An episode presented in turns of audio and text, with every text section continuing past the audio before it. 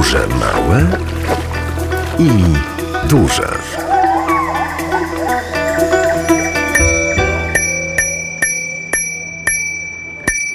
I tak oto odzywamy się do Państwa także dźwiękowo i polecamy właśnie trasę rowerową.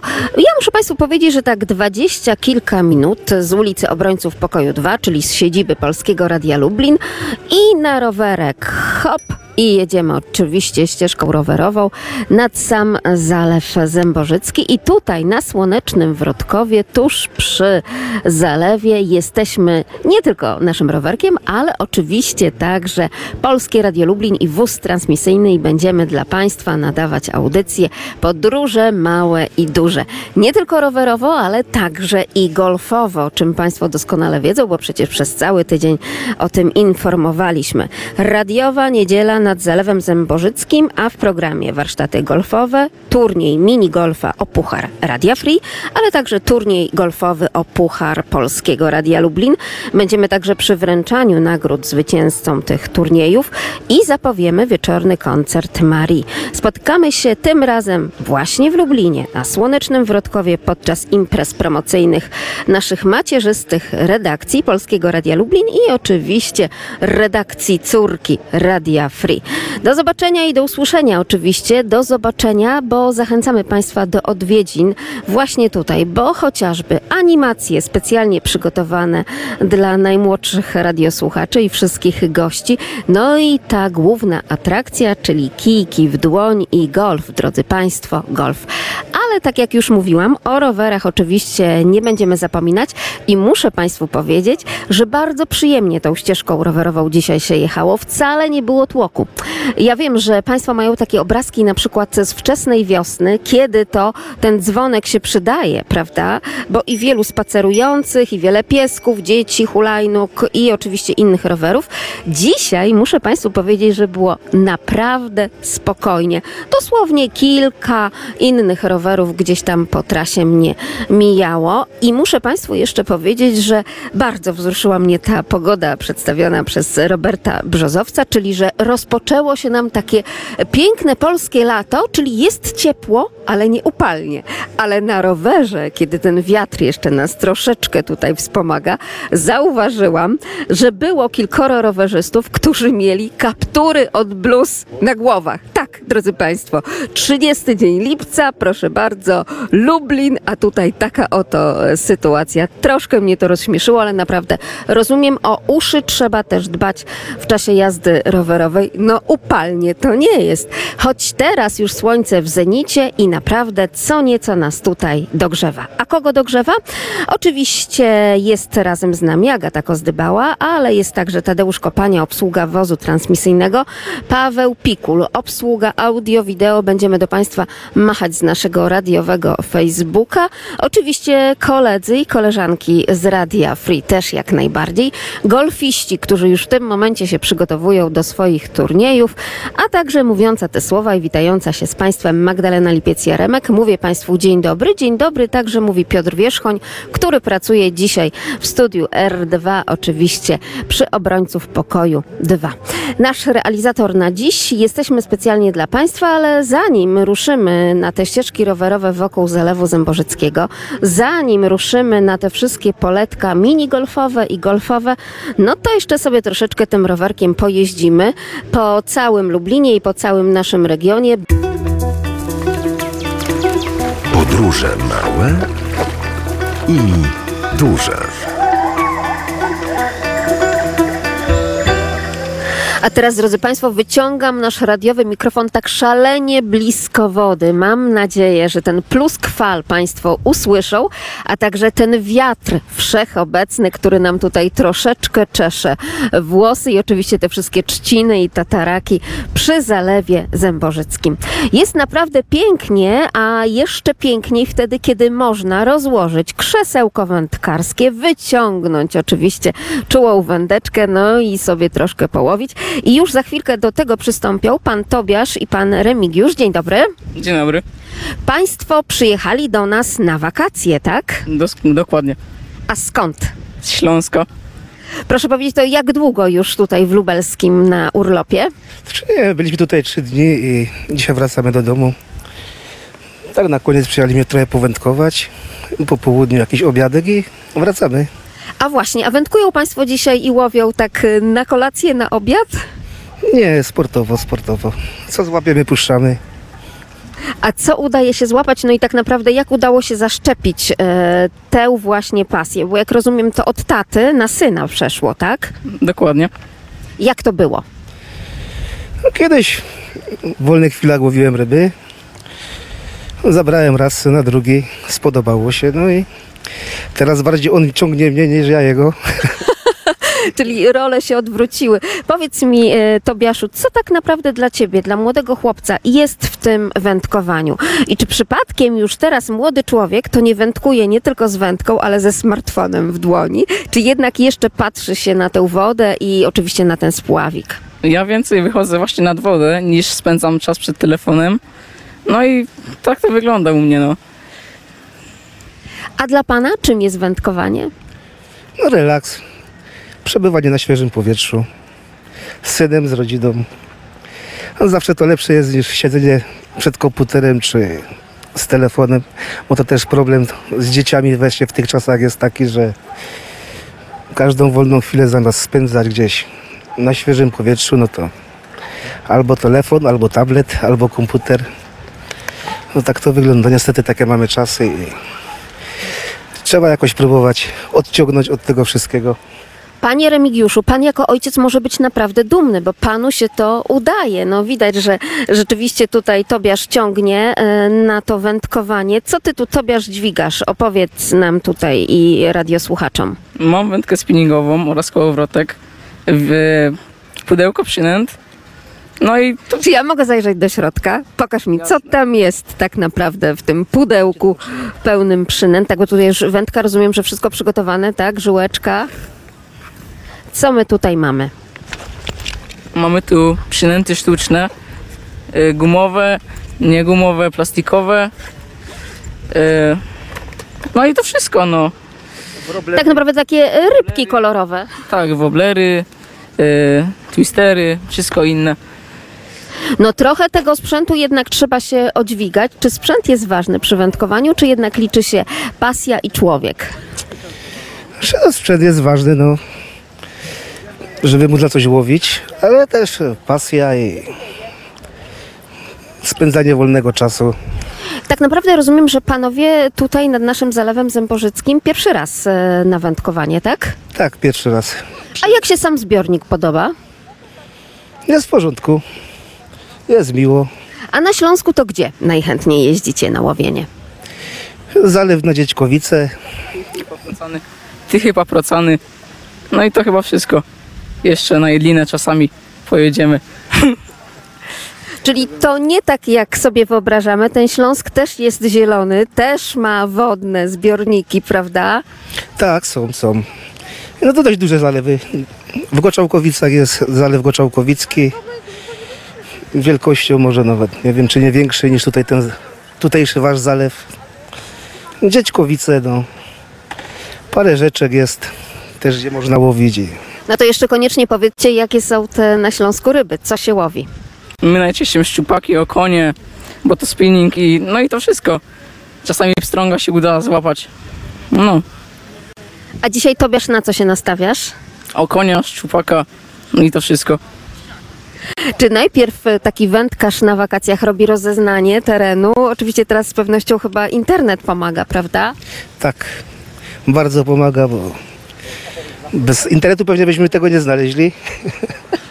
Naszego zalewu. A wie pan, jak e, tutaj w Lublinie i w okolicach mówią na nasz Zalew Zębożycki, że to takie nasze jezioro zębożyckie. No bo rzeczywiście, pomimo tego, że jest to sztuczny zbiornik, no to okazało się, że ta przyroda tak go troszeczkę już tutaj zagarnęła pod siebie, że wygląda bardzo naturalnie. Tak, można tak powiedzieć. Nawet nie wiem, jak się ten zbyt nazywa po waszemu. Po naszemu nazywa się Zalew Zębożycki. A to to wiedziałem, że tak jest. Tak jest. Dobrze, no to cóż, czego ja mogę życzyć? W ogóle powinnam czegoś życzyć, czy nie? Połamania kija.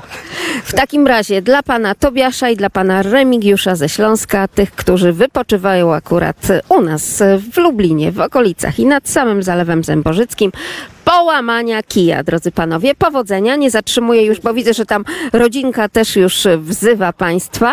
A skoro spotykamy się z turystami, to z turystami z całej Polski, to dobrze byłoby, aby państwo nie tylko nad Zalew, ale także na Stare Miasto w Lublinie się wybrali, bo tam oczywiście spotkania z przewodnikami, z przewodnikami miejskimi, którzy naprawdę w bardzo wesoły i zabawny sposób opowiadają państwu o naszym mieście, tak jak to miało miejsce dosłownie kilka dni temu w Lublinie, a tak swoją drogą to tak naprawdę ten Lublin, jak jest opisywany turystom, jak jest przedstawiany przez przewodników. Proszę posłuchać. Szanowni Państwo, Lublin jest miastem, znaczy ja zawsze sobie żartuję, że miastem na tyle dużym, żeby poczuć się, że żyje się w dużym mieście i na tyle małym, żeby nie być zmęczonym dużym miastem. Także jak w sam raz liczy, no tak, ostatnie dane GUS-u podają, i to jest na Wikipedii, można to znaleźć, około 330 tysięcy mieszkańców. Na dzień dzisiejszy w przewodniku z 2006 roku o Lubelszczyźnie, po Lubelszczyźnie jest podane 350 tysięcy. Więc ten spadek jest e, e, niestety e, duży.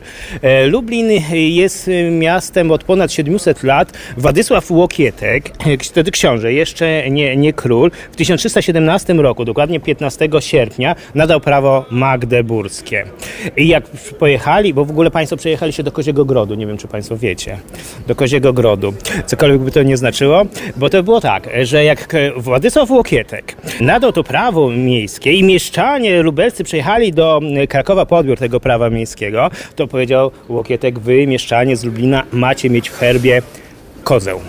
A dlatego kozę, bo Łokietek kiedyś zasłyszał taką historię, że jak Tatarzy nie po raz pierwszy, nie po raz ostatni napadli na Lublin, no to złupili tutaj podgrodzie, no i oblegali gród ziemnodrewniany, wtedy jeszcze był no dosyć długo i za, zaczynało brakować jedzenia. No śmierć głodowa zaczęła ludziom zaglądać w oczy. No oczywiście w takich sytuacjach najbiedniejsze są dzieci, ale zachowała się jedna koza. Ostatnia koza, której broniący się jeszcze nie zjedli, no i ta koza swoim mlekiem wykarmiła kilkoro dzieci, ratując je od śmierci głodowej. I tak ta się o historia podobała Łokietkowi, że on powiedział mieszczanom, wy mieszczanie musicie mieć w herbie kozę. No ale ci mieszczanie, którzy pojechali do Lublina, no w takim fajnym celu, prawda, po odbiór tego dokumentu lokacyjnego, byli tak zadowoleni, tak urocieszeni, że wydali wszystkie pieniądze. No zaimprezowali za bardzo. No i musieli coś pożyczyć, prawda? No i od niepamiętnych czasów, no niedużo pożyczyli, no od niepamiętnych czasów jest zawsze ta sama zasada. Małe pieniądze, byle jaki rzemieślnik, jeszcze gorszy wyrób. No, no i właśnie i ten rzemieślnik, szanowni państwo, zamiast takiej kozy, na którą tutaj no, liczyli, e, że e, mieszczanie lubelscy, no zrobił takiego capa. No i sobie teraz państwu pokażę, to jest takie moje, mam w telefonie zdjęcie, jak wyglądał herb miasta Lublina, pierwszy herb udokumentowany, i to jest fakt, to już nie jest legenda, z roku 1401. Tak wyglądał. tak wyglądał, no taki cap, prawda? Cap ja tam za bardzo nie wy- nie wygląda. Zapis samego widoku. No, najprawdopodobniej mieszczanom lubelskim, to jest rok 1401, najprawdopodobniej, tak jak i Państwu, mieszczanom lubelskim się ten herb nie podobał, bo już w dokumentach miejskich na początku XVI wieku widnieje herb miasta Lublina, tak jak my mamy, kozioł skaczący na winne grono i konia z rzędem temu, kto by rozszyfrował, dlaczego mamy taki herb, a nie inny. No bo tak, miasto lokowane w 1317 roku, Początek XIV wieku mm, w innych miastach to zazwyczaj jest albo jakiś święty, albo jakieś potężne zwierzę, orzeł, niedźwiedź, tur, albo ewentualnie jakaś brama miejska, a my mamy kozła. Prawda? I jest wiele interpretacji, każda, e, każda ma e, tyle samo prawdy. Jakby na to nie patrzeć, witam Państwa w Kozim Grodzie. Więc tak, jesteśmy teraz na Starym Mieście, e, to jest ulica Jezuicka.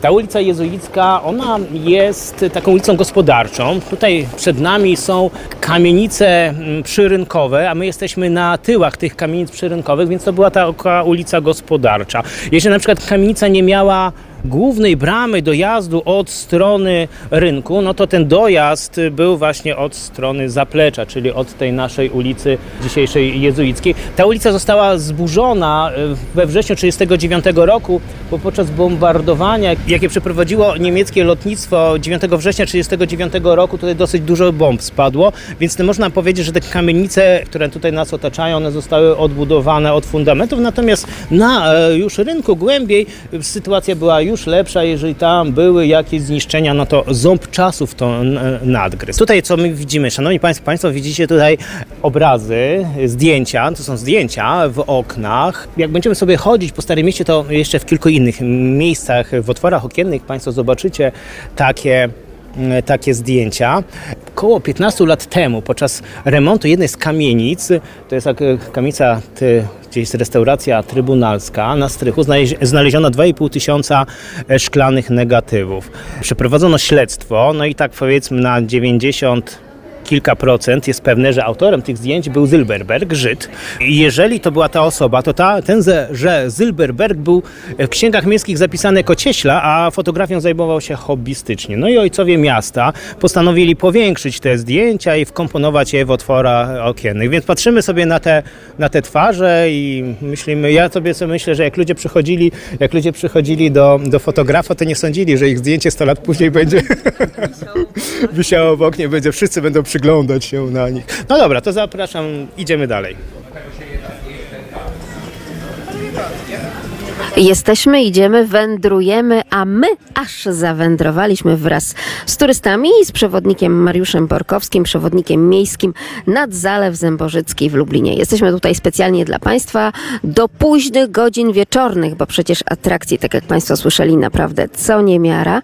Drodzy Państwo, no, Stare Miasto starym miastem. Wiadomo, że to taka perełka, do której ściągają wszyscy turyści. To nieważne, czy to ze Śląska, czy z jakiegokolwiek innego rejonu, czy Polski, czy Europy, czy świata, ale będąc i to tuż przy samej bramie krakowskiej w Lublinie, w samym sercu naszego miasta, też możemy usłyszeć o Zalewie Zębożyckim. Mariusz Borkowski.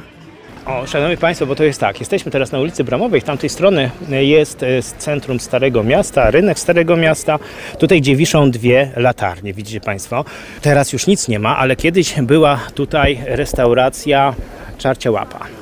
I w tej restauracji Czarcia Łapa od lat, znaczy restauracja powstała w 1959, pod koniec 59 roku, a już od 60 roku w głębokich piwnicach tejże restauracji działał kabaret Czar. To taki jeden z, jeden z ciekawszych kabaretów gdzie On tam powstawał, reaktywował się, także on trwał aż do bodajże 2005 roku. I właśnie w latach 60. na deskach tego kabaretu Czar debiutował Piotr Szczepanik. No, on jest z Lublina, prawda? Także on tutaj zaczynał swoją karierę. Ale w latach 70. budowano w Lublinie zalew. Zalew Zębożycki. No i ja wyczytałem taką informację, że do każdej pół litrówki dodawano 50 groszy na konto tej budowy tego zalewu.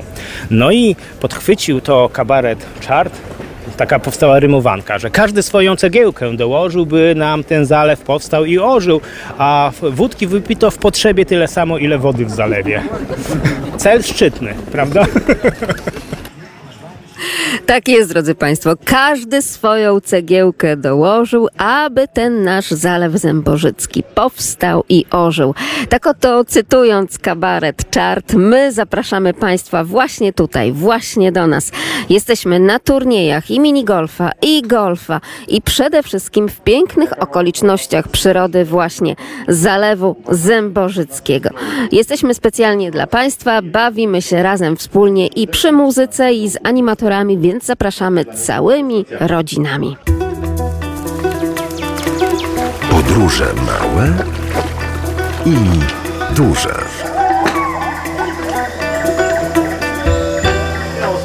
I tak oto wśród tych podróży małych i dużych udało nam się, drodzy Państwo, zawędrować, no właśnie, do miejsca, w którym mam nadzieję, że z odpowiednim instruktorem naprawdę nauczymy się chociaż tych pierwszych uderzeń golfowych. Witam serdecznie naszego trenera, instruktora golfa, pan Jarosław Janowski. Dzień dobry. Dzień dobry. To proszę powiedzieć, tak naprawdę mamy tutaj oczywiście sprzęt. Czy to są odpowiednie kijki? Jakie kijki wybieramy? E, Na początek wybieramy kije żelazne, tak zwane, czyli irony. E, I do nauki zaczynamy od tych kijów. Mamy jeszcze oczywiście w torbie jakieś łudy, drivera, który uderza ponad 200 metrów, ale do nauki to zaczynamy od e, ironów, czyli kije są jak najbardziej dobre. To, o co mnie pan od razu zapytał, to czy jestem prawo czy leworęczna. To chyba ważna informacja, taka podstawa. Tak, e, golf jako jeden z nielicznych e, sportów, e, w golfie jako w nielicznych sportach jest sprzęt inny dla praworęcznych i dla leworęcznych. I mamy kije dla praworęcznych i leworęcznych. Oczywiście praworęcznych jest zdecydowanie więcej golfistów, ale trafiają się leworęczni. Są tacy, którzy są praworęczni, a grają leworęcznymi kijami, bo taki mieli pod ręką i tak się nauczyli, ale no, trzeba dobrać te kije odpowiednio, oczywiście tam długość, e, to wszystko dobieramy. Panie trenerze, my mamy chyba trochę za mało rąk, więc zróbmy tak, że ten jeden mikrofon oczywiście oddamy do naszego wózka golfowego, proszę bardzo. I teraz proszę mnie poinstruować, jak mam stanąć, gdzie mam się pojawić, żeby jednak Przeszkadzała. O, tutaj mamy torbę, gdzie możemy mieć maksymalnie 14 kijów różnych i z tego sobie wybieramy. Teraz wybierzemy y, dla pani y, może kija damskiego, y, praworęcznego, kij numer 9. O, Mężczyzna uderza nim około 100 metrów, a kobieta no, będzie oczywiście krócej, y, płeć y, słaba, więc Ale proszę mnie tak od razu na wstępnie nie dyskredytować. Kto wie, kto wie, jak to będzie. Oczywiście zdarzają się kobiety, które nawet przebijają mężczyzn. E, tam trenują reprezentanci, dw- dwoje reprezentantów Polski.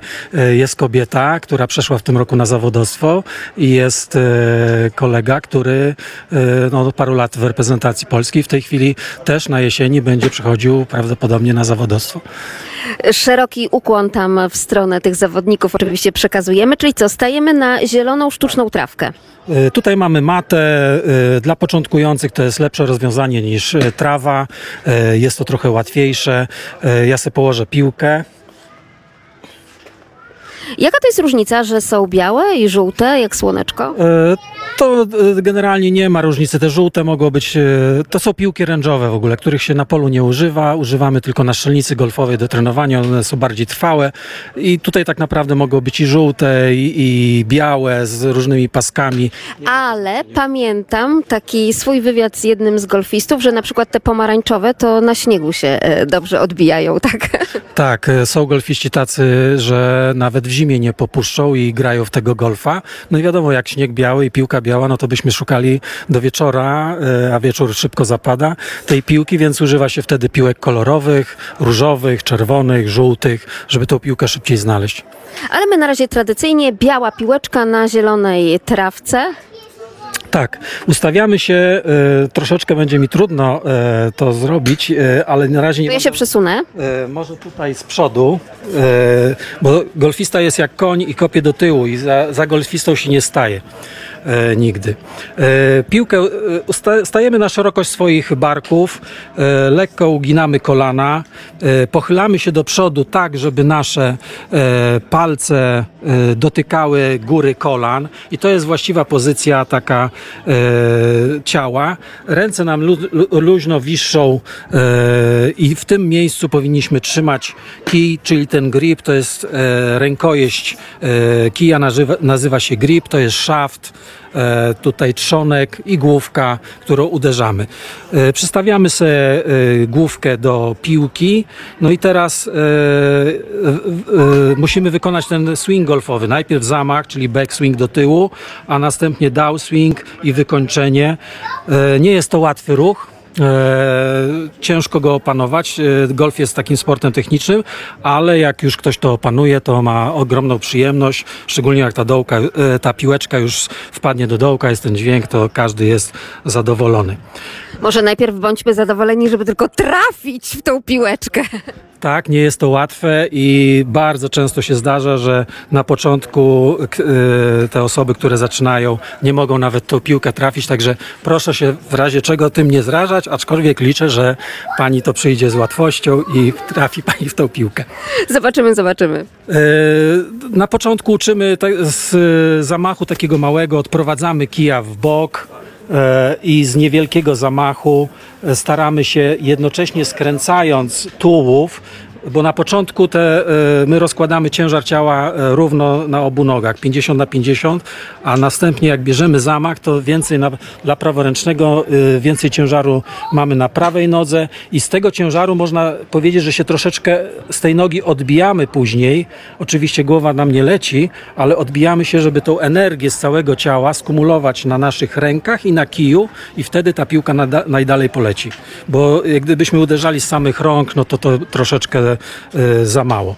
Ja spróbuję e, tutaj e, wziąć zamach i tak lekko uderzyć. I piłka sobie poleciała, my skręciliśmy się oczywiście. To było lekkie uderzenie, no ale piłka tam poleciała około 60 metrów, tak? E, tak, żeby tutaj pani ewentualnie e, coś nie zrobić krzywdy. E, I tak to wygląda. Także e, teraz musimy stanąć, zamienić się chyba miejscami. E, Ja jeszcze wytłumaczę, e, pokażę już na, na pani, jak to, jak to będzie wyglądało. Czyli tak, trzymam i biorę w prawą dłoń, prawda? Piłeczka, a, tak, tak. To jeszcze, żeby szczęście, to nie wiem, trzeba jakoś e, chuchnąć na szczęście, żeby Tak, mo, można huchnąć. E, w piłeczkę. Golfiści, golfiści są przesądni. Właśnie tam byłem na e, polu, bo grali i ktoś powiedział, że e, szczęście przyniosła mu nowa rękawiczka, a jest taki przesąd, że nowej rękawiczki na turniej się nie zakłada. To jest jeden z przesądów golfowych. E, tak, jeszcze pokażę może, bo rzeczywiście nie pokazałem. Kija chwytamy w ten sposób, że tak jakbyśmy się chcieli, jeżeli jesteśmy praworęczni, to może wydawać się dziwne.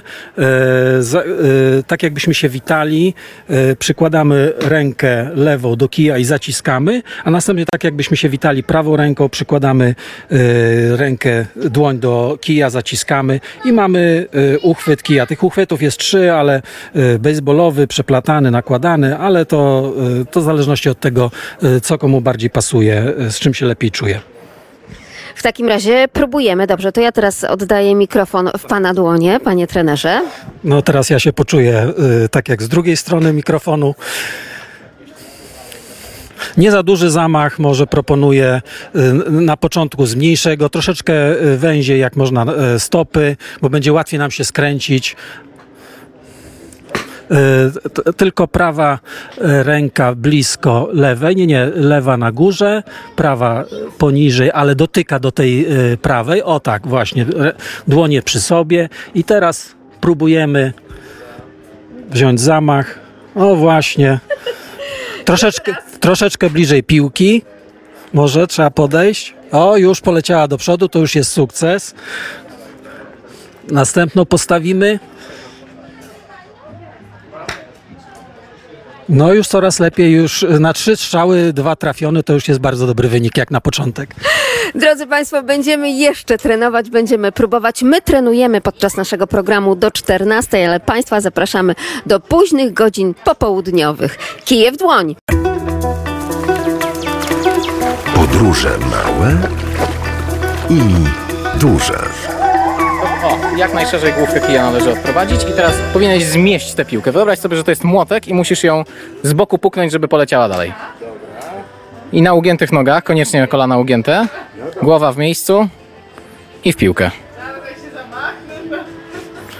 Błąd był taki, że troszeczkę za blisko piłki stoisz i musisz sobie kompensować rękami. O, dokładnie. Ugięte nogi. Tak, zamach i zmiatamy piłkę z maty. I za chwilkę jeszcze dojdą do tego określenia muzyczne, bo słyszałam, że to troszeczkę tak jakbyśmy taki delikatny walczyk tutaj tańczyli. Zanim jednak o tym walczyku, no to proszę nie regulować radioodbiorników. Drodzy Państwo, ja wiem, że doskonale radiosłuchacze rozpoznają ten głos. Redaktor Filip Janowski, ale dzisiaj tak naprawdę instruk- instruktor golfa AWF, więc będzie nam też przekazywał wszystkie te golfowe informacje i, i także dawał wskazówki oczywiście i radiosłuchaczom. Kto wie, czy Państwo też nie chwycą za swoje kije i gdzieś tam nawet na tej trawce w ogródku przed domem poćwiczą, ale my oczywiście zapraszamy Zalew Zębożycki. Tutaj jesteśmy i Polskie Radio Lublin i Polskie Radio Free też jak najbardziej. Choć dzisiaj pan, panie redaktorze, szalenie elegancki. Ja nie wiem, czy to tak niezbyt kulturalnie zabrzmi, ale do pracy na korytarzu w radiu się chyba aż tak elegancko w takim ubraniu nie mijamy, bo w golfa podobno na przykład w jeansach to nie wypada, nie uchodzi. To nie ta etykieta. Dzień dobry Państwu. E, bardzo mi miło, że się słyszymy. Em, rozumiem, że do tego mikrofonu. Dobrze. Która kamera mnie bierze, a tu nie ma kamer. No właśnie, bo to jest ta różnica, że w radiu nie widać, więc mogę się ubrać w co chcę. Natomiast na golfie obowiązuje pewna etykieta. E, teraz mam wrażenie, że te zasady są troszeczkę luźniejsze niż kiedyś. Kiedyś To bardziej... tak jak ze wszystkim, prawda? Tak, trochę tak, trochę tak. Natomiast jest nadal takie podejście, że koszulka musi mieć kołnierzyk. Niekoniecznie to musi być elegancka koszula, ale polo bardziej eleganckie, mniej eleganckie, ale polówka musi być.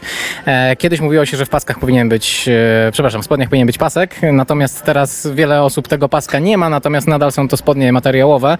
Jeansy są absolutnie bardzo źle widziane na, na golfie. Podejrzewam, że teraz częściej się na to, na to przymyka oko, jednak na polu golfowym, takim 18-dołkowym, absolutnie jeansów nie zobaczymy. Na to nie ma szans.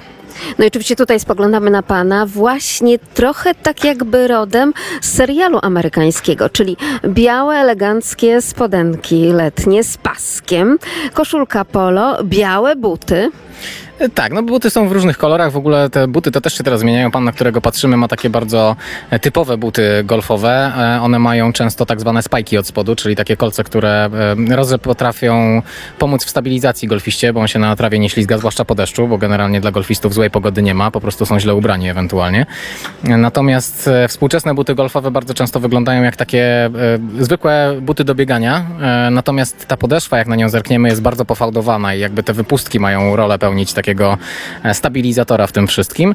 E, No tak, no ten golf ma troszeczkę eleganckiego wyglądu, natomiast mam wrażenie, że to troszkę chyba też czasem sprawia, że postrzegamy go tak, jako taki e, sport dla elity, natomiast jak spojrzymy na przykład na tenisistów, to oni często też mają koszulki polo z kołnierzykiem, a w tenisa może grać każdy i tak samo wygląda to z golfem, zresztą kosztowo w zasadzie też. Tenis, narty to są podobne koszty co golf, a jednak gdzieś się tak stereotypowo utarło, że ten nieznany jeszcze bardzo dobrze w Polsce golf to jest, to jest sport elitarny, a on jest w zasięgu.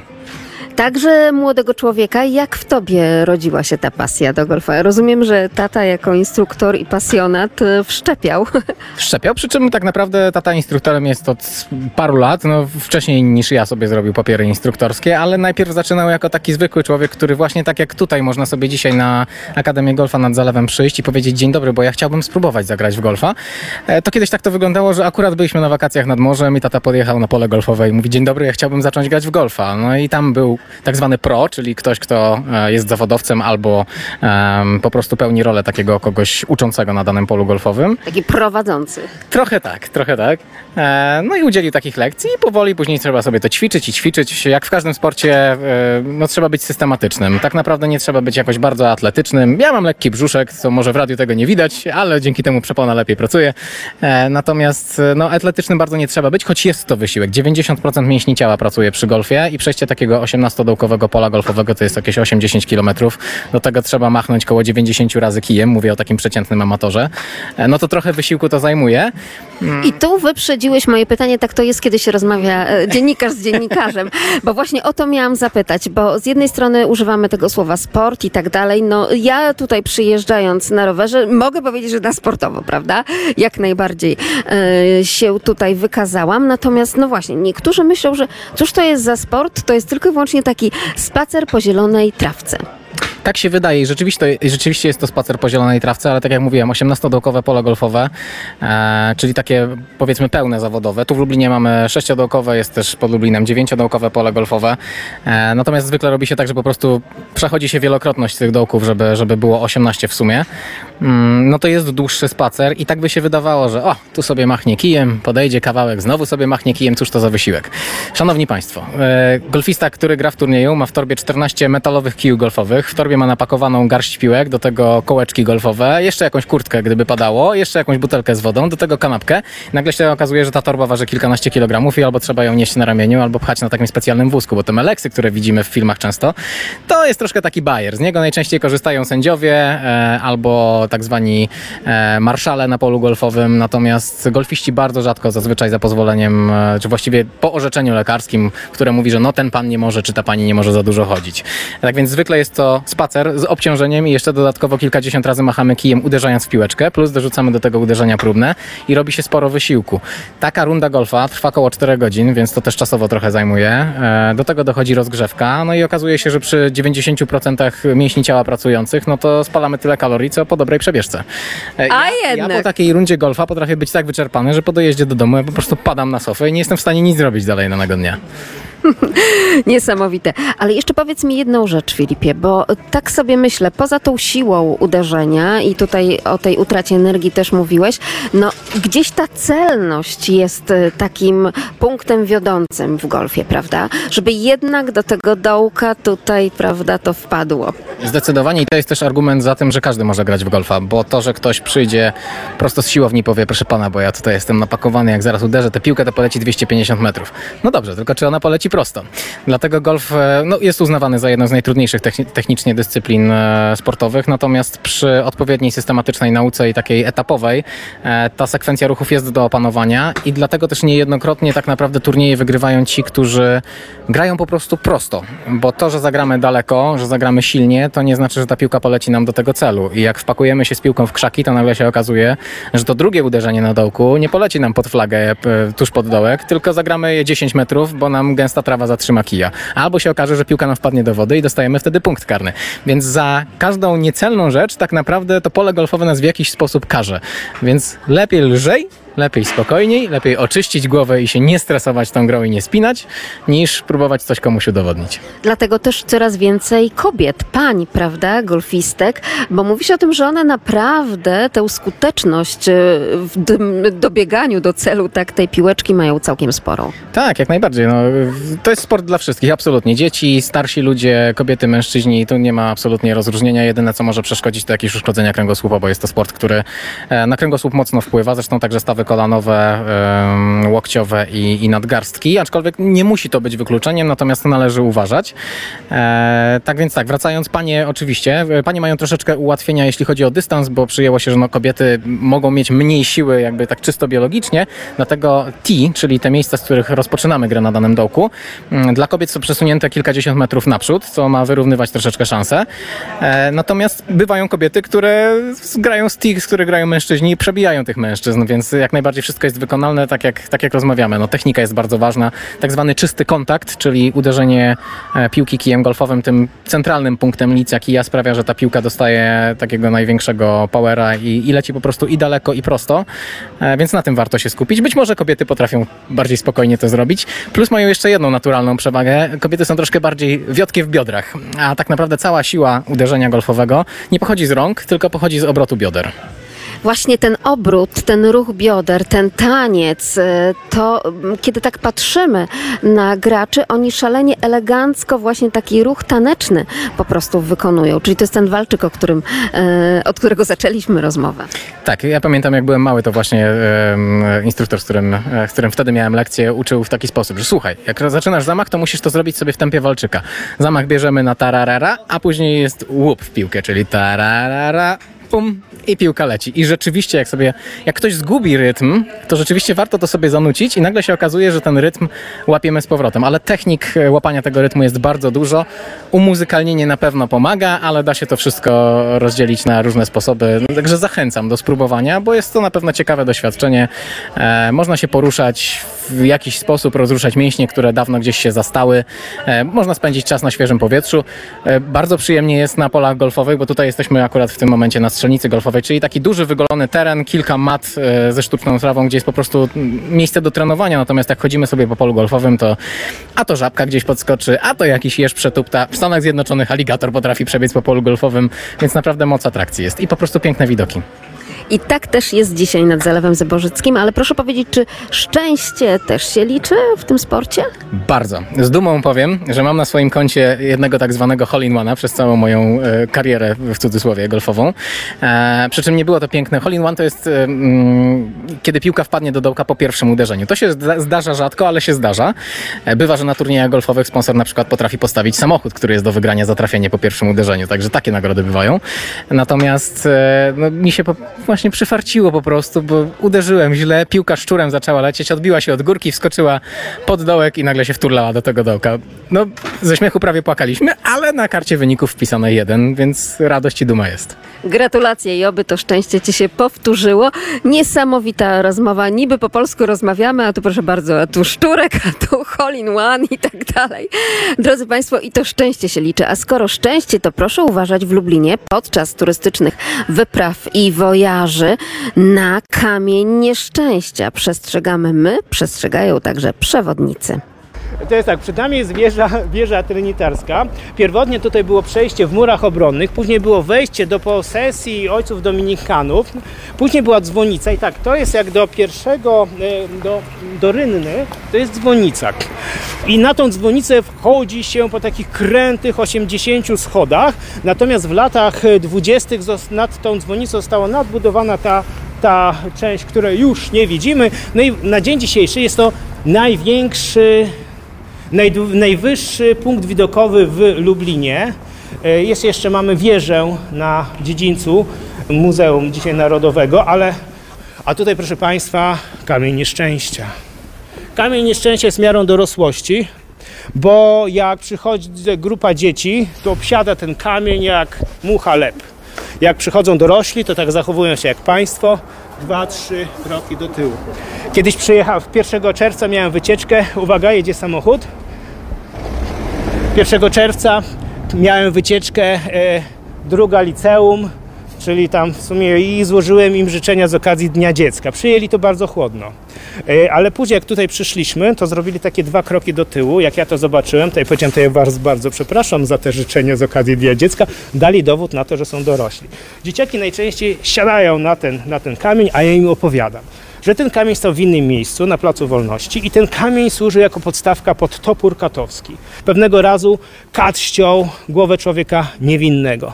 Uciął głowę, rozłupał pieniek jeszcze, wyszczerbił ten kamień, no bo takie uderzenie tego katowskiego topora było mocne i ta niewinna krew, dzieciaki dalej siedzą, i ta niewinna krew, która zrosiła ten kamień sprawiła, że zaczął emanować złą mocą. Dzieciaki dalej siedzą, tak się czułem poruszony, że oni dalej siedzą, ale, ale tak, on był taki kamień trochę wilgotny. A ja mówię, a to co jest mokre, to pies nasikał. I jak oni wtedy podskoczyli, jak normalnie... Z... To jest, różne rzeczy tu opowiadam. Na przykład mówię tak, zazwyczaj standardowo mówię, że każda kobieta, która wejdzie na ten kamień, przez pół roku będzie piekła ciasto z zakalcem. A jej mąż będzie musiał jeść to ciasto z zakalcem. Autentyczna historia wskakuje na to, e, po moich słowach wskakuje tutaj e, facet na, na, na ten kamień i mówi tak, głośno, niech będzie z zakalcem, aby piekła. Desperat. Ale, ale tutaj różne takie historie opowiadam, ale mówię, że to jest odbojnik. No bo jak jeździli tędy furmani zaczepiali o naroża domów, no to niszczyli te naroża, więc co bardziej przedsiębiorczy i myślący właściciele kamienic kładli tutaj takie odbojniki, co by zmusić furmana do ominięcia tego kamienia, tego narożu domu. E, Tam też jest taki odbojnik, tylko bardziej nowoczesny i to mówię do młodzieży, to była, to była gimnazjum z Warszawy. To jest ważne, że z Warszawy. Ja się ich pytam, wiecie, to to jest e, furman, a oni do mnie mówią piłkarz, bo, bo w tamtym czasie e, w Legii w Warszawie grał Dominik Furman. No to myślę sobie hi, hi, hi, ha, ha, ha, ale pytam się i dalej, a wiecie co to jest furmanka? A i ten sam chłopak mówi, no żona furmana. Prawda? Ale tutaj ja już Państwu wspominałem o różnych imprezach. Noc Kultury, yy, chyba w tym w ubiegłym roku, już nie pamiętam, czy Noc Kultury, czy Noc Muzeów, ale chyba na Nocy Kultury. Tutaj stał taki wielki klocek lodu z napisem szczęście. I on tak topniał, topniał, topniał, prawda? Z każdym dniem tego szczęścia było coraz mniej. A ja nie mam wprawdzie wielkiego klocka lodu, ale mam, drodzy Państwo, talerzyki. Nie ma na nich jeszcze ciasta. Talerzyki z logo Polskiego Radia Lublin. Frisbee oczywiście, tak, tutaj dzieci się śmieją, że mówię, że talerzyki. Dobra rzecz do zabawy, do zabawy chociażby na zielonej trawce, tuż przy Zalewie Zębożyckim, bo tutaj jesteśmy dla Państwa i będziemy oczywiście grać nie tylko w golfa, nie tylko jeździć na rowerach, ale również bawić się wszystkimi gadżetami od Polskiego Radia Lublin i Radia Free, bo my dzisiaj razem wspólnie świętujemy i na polu golfowym, i na antenie też. Pozwolą Państwo, że przysiądę na zielonej trawce, gdzieś tutaj w cieniu takich wyjątkowych, pięknych, starych lip, a to wszystko nad Zalewem Zębożyckim. Mogą Państwo mieć takie właśnie atrakcje przyrodnicze i popatrzę na tę wodę. Podobno są tacy, którzy podczas wakacji, nawet kiedy wyjadą gdzieś hen nad oceany czy nad morza, też narzekają, a że pogoda nie taka, a że woda nie taka, a że to, a że tamto. Jeżeli mamy dobre podejście do siebie, do życia, do przyrody również, to także i taki skrzący się w słońcu Zalew Zębożycki może cieszyć. Żaglówki na horyzoncie są, więc jak najbardziej pięknie jest białe żagle na tle zielonego lasu i właśnie ta skrząca, delikatnie falująca woda w pełnym słońcu. A skoro woda, drodzy Państwo, to także ryby. Lublin jest rybny, tak podkreślają przewodnicy, między innymi przewodnik miejski Mariusz Borkowski, przewodnik inspiracji. A dlaczego Lublin jest rybny? Bo ma i plac rybny, i ulicę rybną, a nawet bramę rybną. I tutaj na roże znowu jest takie oszkarpowane, wz- wzmocnione. Przejdziemy, Szanowni Państwo, sobie do placu rybnego. Plac rybny, jak sama nazwa podpowiada, służył do sprzedaży ryb, które były łowione na tym wielkim stawie królewskim.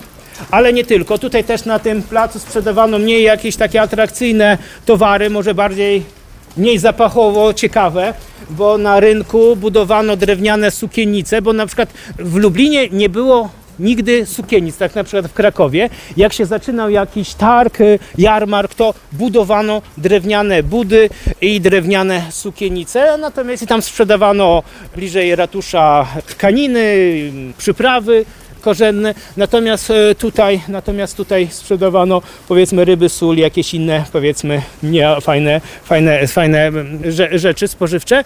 E, Tutaj na wprost, szanowni państwo, mamy taką kamienicę, która się nazywa pa- Pałacem Pawęczkowskim, ale to miał być kiedyś e, kościół.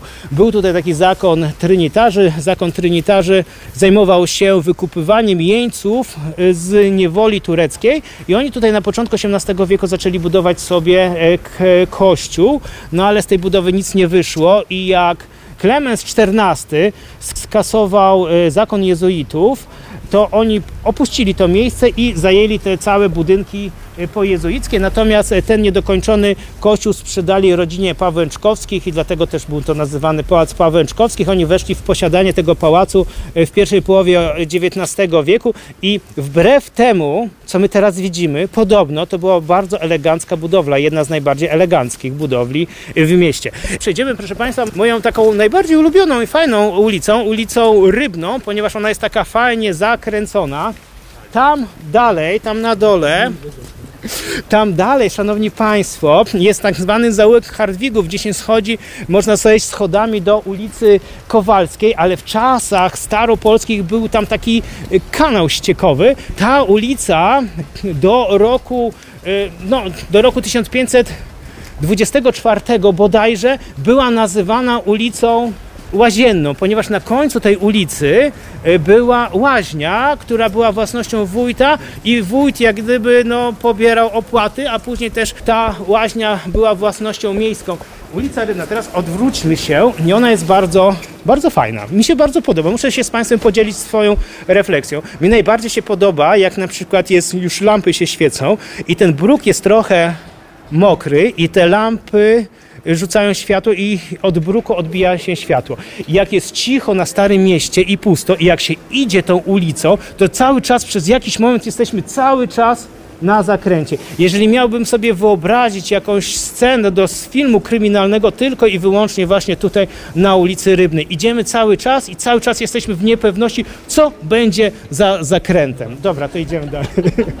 Znaczy, to jest tak.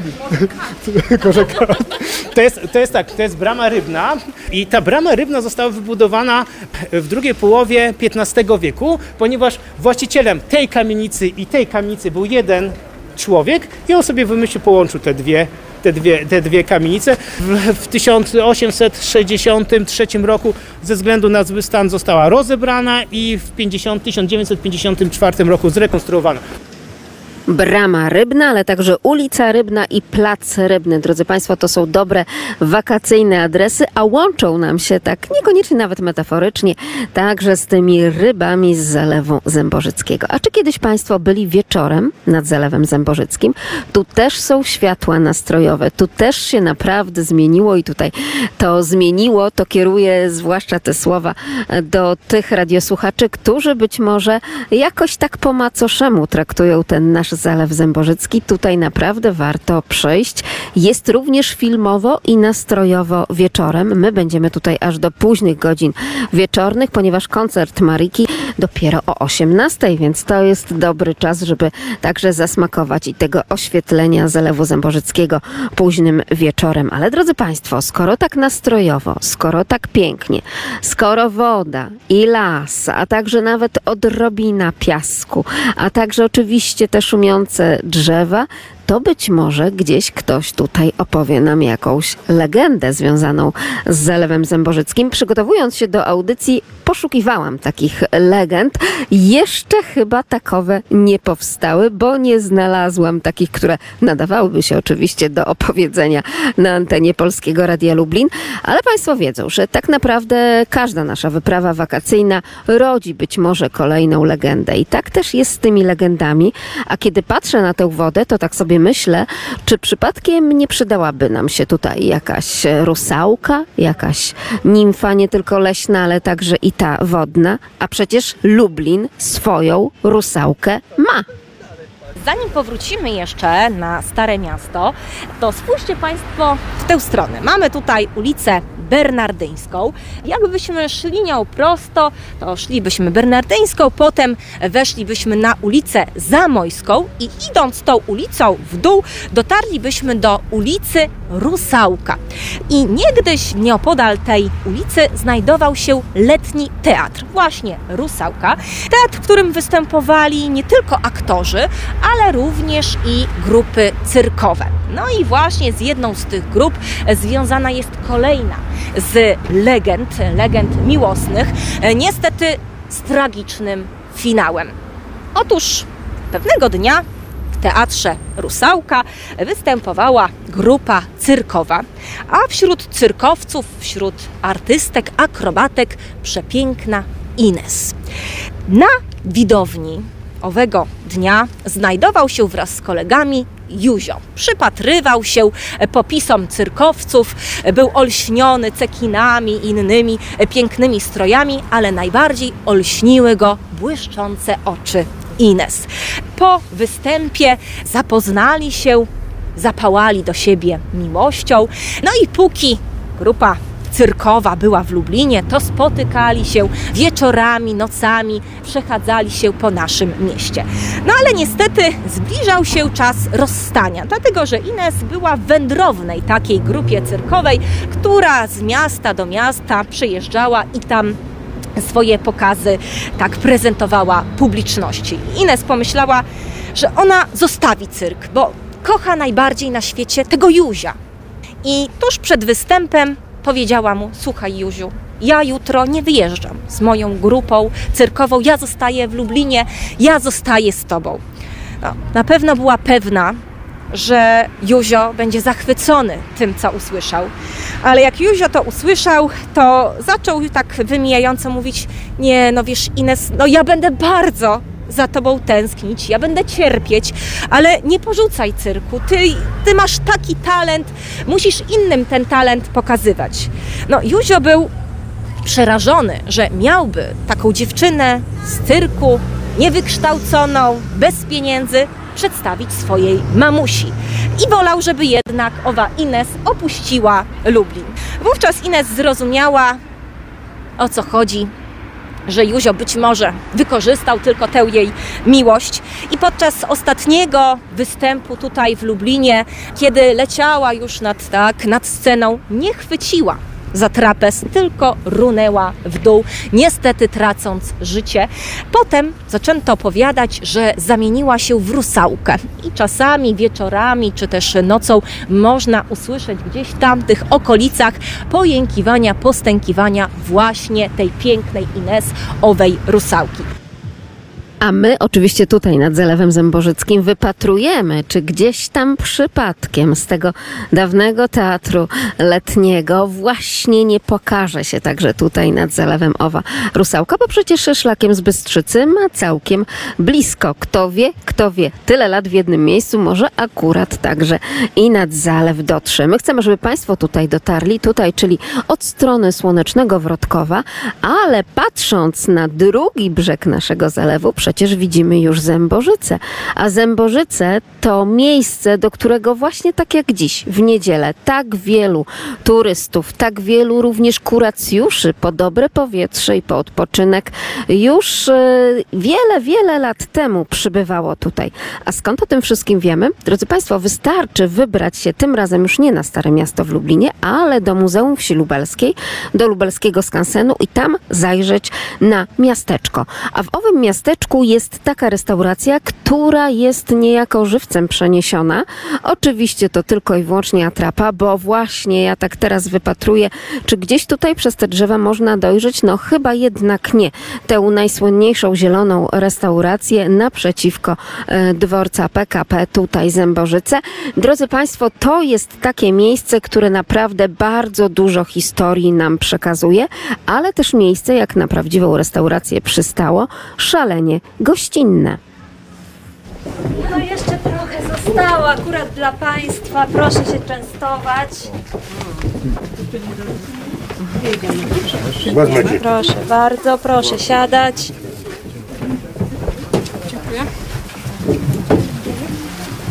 Proszę, proszę. No to dobrze, proszę Państwa, to teraz już tak na poważnie. Jesteśmy, jak Państwo widzicie na szyldzie, jesteśmy w restauracji z prawem wyszynku napojów alkoholowych w naczyniach otwartych. Znaczyło to ni mniej, ni więcej, że można było tutaj podawać alkohol na miejscu.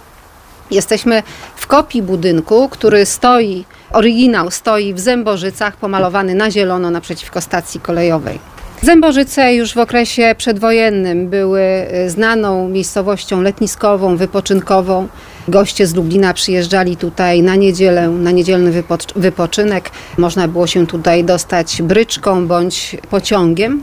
Dom w takim stylu nawiązującym architekturą do y, domów letniskowych w Nałęczowie wybudowali w 1933 roku Władysława i Józef Walczyńscy. Z tą myślą, żeby nie, nie tylko mieszkać tutaj, ale również prowadzić restaurację. Werandę z ażurową dekoracją dobudowano dwa lata później. Ekspozycja pokazuje dwa wnętrza. Po lewej stronie sala bufetowa, po prawej stronie e, sala restauracyjna, e, która była. e, Obie ekspozycje są przygotowane na 1937 rok. Sala restauracyjna była zimą zamykana, natomiast restauracja latem była czynna od godziny 8 do późnych godzin wieczornych, a nawet nocnych. Aby móc sprzedawać alkohole, Władysława Walczyńska zawiązała spółkę z y, inwalidą wojennym z czasów I wojny światowej, Antonim Wójcikiem, któremu jako kombatantowi łatwiej było uzyskać koncesję na sprzedaż alkoholu objętego wtedy państwowym monopolem. No ale jeśli mowa o alkoholach, to zapraszam do wnętrza. Proszę bardzo.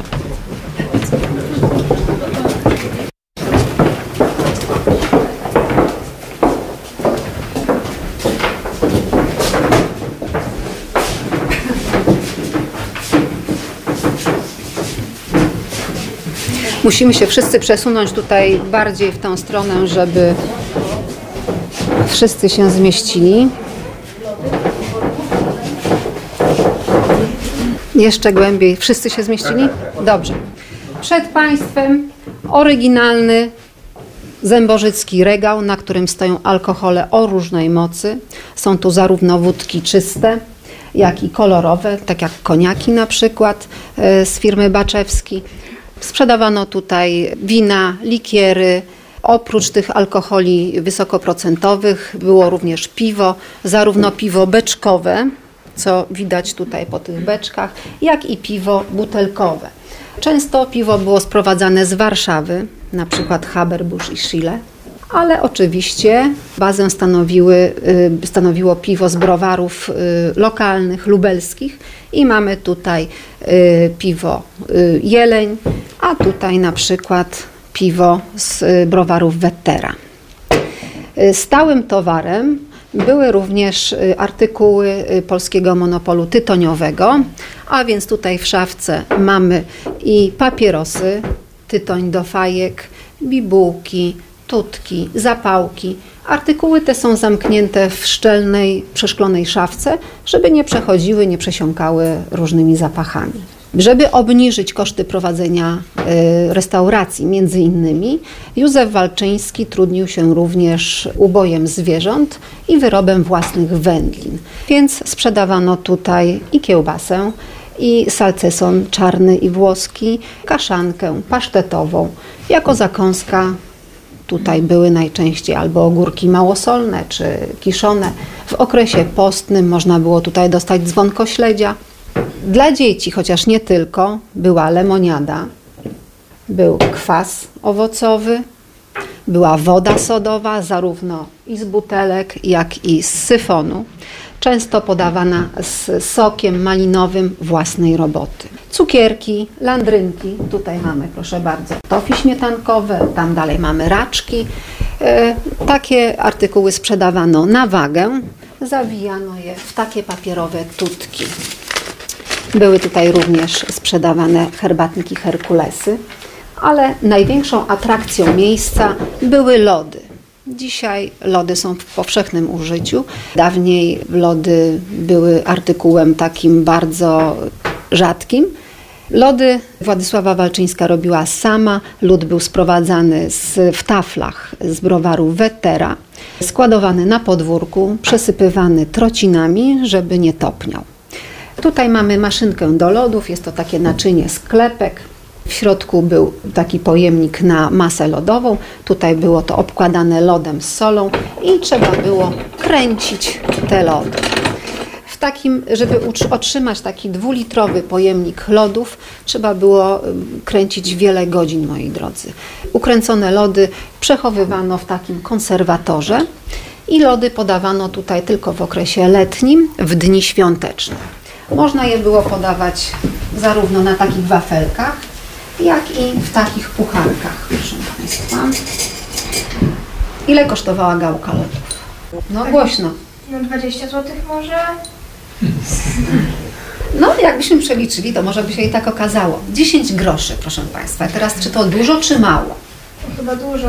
No, biorąc pod uwagę, że kilogram żytniego chleba kosztował 30 groszy, kilogram cukru złotówkę, to rzeczywiście było to dosyć drogie. E, drogi artykuł, małe łyżeczki. Tym się delektowano, proszę Państwa. Nie wiem, czy Państwo zwrócili uwagę na te naczynia stojące tutaj na szafce i na piecu. Może ktoś z Państwa wie, kto co to jest? Nikt z Państwa. Nie? O właśnie! No bo oprócz klientów były tutaj też muchy, proszę Państwa, szczególnie latem. No więc te muchy trzeba było jakoś złapać. Czasami były to lepy wiszące, ale to było nieestetyczne, prawda? Więc mamy tutaj muchołapki. Restauracja w 1937 roku była nieoświetlana elektrycznie, wtedy jeszcze tutaj nie było prądu. Dopiero w, w czasie II wojny światowej założono, dlatego też mamy dwie lampy naftowe. To proszę Państwa, klientelę takiego, y, tej restauracji stanowili zarówno mieszkańcy Zębożyc i okolic, byli też tutaj pasażerowie pociągów, które odjeżdżały z pobliskiej stacji, to byli też goście, którzy przyjeżdżali na ten niedzielny wypoczynek, to byli wędkarze, którzy lubili łowić ryby w Bystrzycy, ale też właśnie letnicy, którzy na co dzień mieszkali u okolicznych chłopów, a tutaj się po prostu stołowali. W niedzielę dużą atrakcją był przyjazd y, takich muzyków amatorów. Y, za, w zamian za poczęstunek przygrywali tutaj gościom, którzy chętnie tańczyli na werandzie. Ale właśnie w sali restauracyjnej, tam przy ostatnim stoliku leży akordeon, leży również y, futerał po tym akordeonie, bo można było tam po prostu rzucać datki dla e, tychże muzyków. Także możecie Państwo przejść teraz przez tamtą salę, wyjść z powrotem na werandę. Proszę Państwa, Państwa Walczyńskich już nie ma. Nie ma już tamtych lat. Pozostały tylko wspomnienia. Nie mamy muzykantów, ale mamy werandę i mamy gramofon. Być może ktoś z Państwa skusi się również na tańce.